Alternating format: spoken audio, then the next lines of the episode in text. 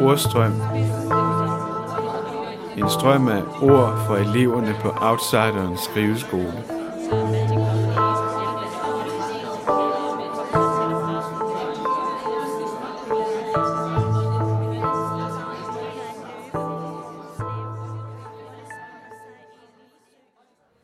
Jeg hedder Olivia. Jeg har skrevet digte og prosa i godt og vel to år. Det er vigtigt for mig at skrive digte, fordi det er en måde at filtrere den virkelighed, jeg er i på, og en måde at kunne skabe mit eget univers, jeg føler mig tilpas i. Jeg tror i bund og grund ikke, at jeg bryder mig særlig meget om alt det, der er virkeligt. Og så er skriveriet en måde på at legitimere mine dagdrømmerier. Det er derfor, jeg nok skriver mest. Den tekst, jeg har tænkt mig at læse op nu, den øh, har jeg prøvet at skrive ud fra en position, hvor jeg gjorde mig meget sårbar og tillod alle sanser og indfald, jeg måtte få, at være, øh, at være okay og prøve at få fat dem ned på noget papir.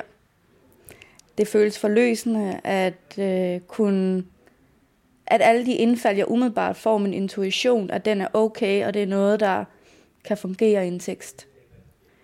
Øh, hvad jeg er særligt glad for ved teksten, det er øh, blandt andet, at den, den spænder vidt fra buketter, der bliver druknet i tårer til Brøndby Strand og en elevator. Den spændvidde kan jeg godt lide.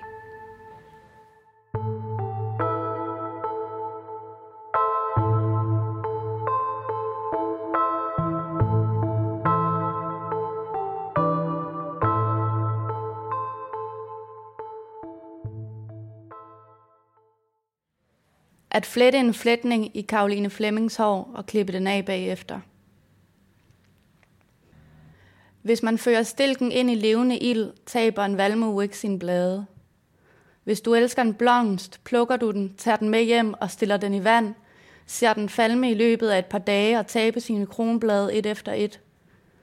Du lader de gule støvdrager ryste og lader pollen drysse ned på glasbordet, legner det op og spørger, om nogen vil have en streg – fucking ikke lade blomsten være. Jeg ligger et sted i Brøndby Strand med åbne øjne i en udestue, hvis vinduer græder, skriger på frisk luft. Kokostæppet, jeg ligger på, burde krasse, men det gør det ikke. Jeg er optaget af de dybe bundnoter i en endnu fremmed duft. Har travlt med at svæve rundt i afvæbnende smilehuller, som forstyrrer og ophæver tyngdekraften, forstyrrer så dejligt lige så vel som dit læmes som banker i rummet og forstyrrer min pulsrutine, og ikke mindst min verden og selvbillede. Iført hvide gummisko stod jeg uden at vidste det og blaffede. Du samlede mig op i elevatoren og trykkede play. Du talte til mig, som underbevidstheden taler i en sød drøm, og kiggede mig i øjnene på en måde, hvor jeg følte mig nødsaget til at lukke dem. Du har din jargon, den måde du ryger på, din fortid og min fremtid i dine hænder. Det ligger jeg her og tænker på. Jeg er glad for, at hende pigen, der plejede at sidde mellem os, er væk. Det gør mig ondt at tænke det, fordi hun tit talte i telefon om dannerhuset og forældremyndighed. Men så kunne du hvile din arm på den ledige stols ryglæn, og jeg kunne smække benene op på dit sæde. Sådan der blev jeg forvisset om, at du tænker lige så meget på, hvordan mine bryster ser ud nøgne, som jeg tænker på, hvordan du kysser og hvor langt du kan bære mig. Vi finder hvile i et klasselokale en tilfældig sommer blandt fremmede. Vi har talt sammen og ladt som om, at vi ikke allerede har kendt hinanden i hvad der føles som altid. Hvordan vi kom herud, det ved jeg ikke, men jeg ved, at jeg løj, da jeg sagde, at jeg skulle den samme vej som dig.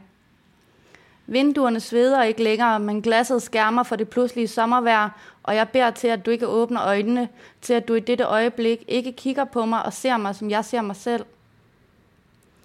Lige siden du gik ind i mit paradis baghave og plukkede en fersken fra mit træ, har jeg ikke kunne se mig selv i spejlet og bare med sundelse. Nærmere kan jeg ikke forklare mit selvbillede, men du er sød, og regnen larmer, og dine øjne er stadig lukkede. Det er nok fordi, du er træt. Du har taget stoffer hele natten og har kysset sommerfuglene farvel. En psykiater har engang fortalt mig, at skizofrene sjældent kan være forelskede. Jeg husker en dag tidligere på sommeren, hvor jeg cykler til Amager for at plukke blomster. Da jeg kommer hjem i lejligheden, drukner jeg buketten i tårer. Græder, fordi jeg ikke kan tåle at tage stoffer. Jeg havde en idé om, at jeg aldrig mere ville kunne føle mig forelsket, kun hvis jeg var påvirket. Men jeg kan ikke tåle dem. Den kemiske og kunstige eufori gør mig dårlig, ligesom jeg bliver syg i hovedet, når det er forår. Nu er det august, og jeg ved, at jeg er rask. Rask nok til at ville stå på en vildevej i silkepyjamas klokken 5 om morgenen og skyde rovfugle med et jagtgevær for din nattefreds skyld. Tæppet krasser på mine bare arme nu, og jeg ligger og overvejer, om du må nogensinde kunne finde på at gå i noget andet tøj.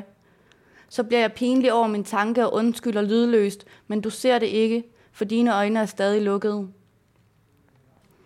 Selvom du ikke kendte mit navn, kaldte du, og min korte frisyr skræmte dig ikke.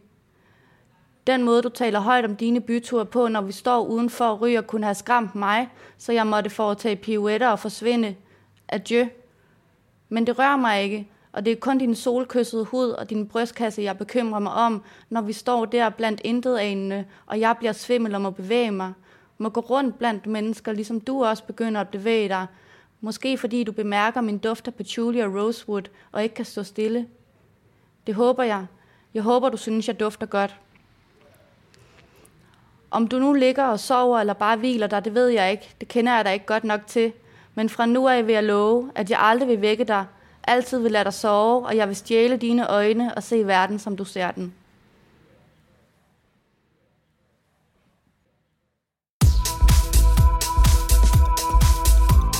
Ordstrøm er en podcast af organisationen Outsideren med værker skrevet af medlemmer af Outsiderens skriveskole. Podcasten er produceret af Thomas Brostrøm og Robert Whittle. Podcastkonsulent er Nis Bjørnhus. Original musik af Robert Whittle. Se mere på outsideren.dk.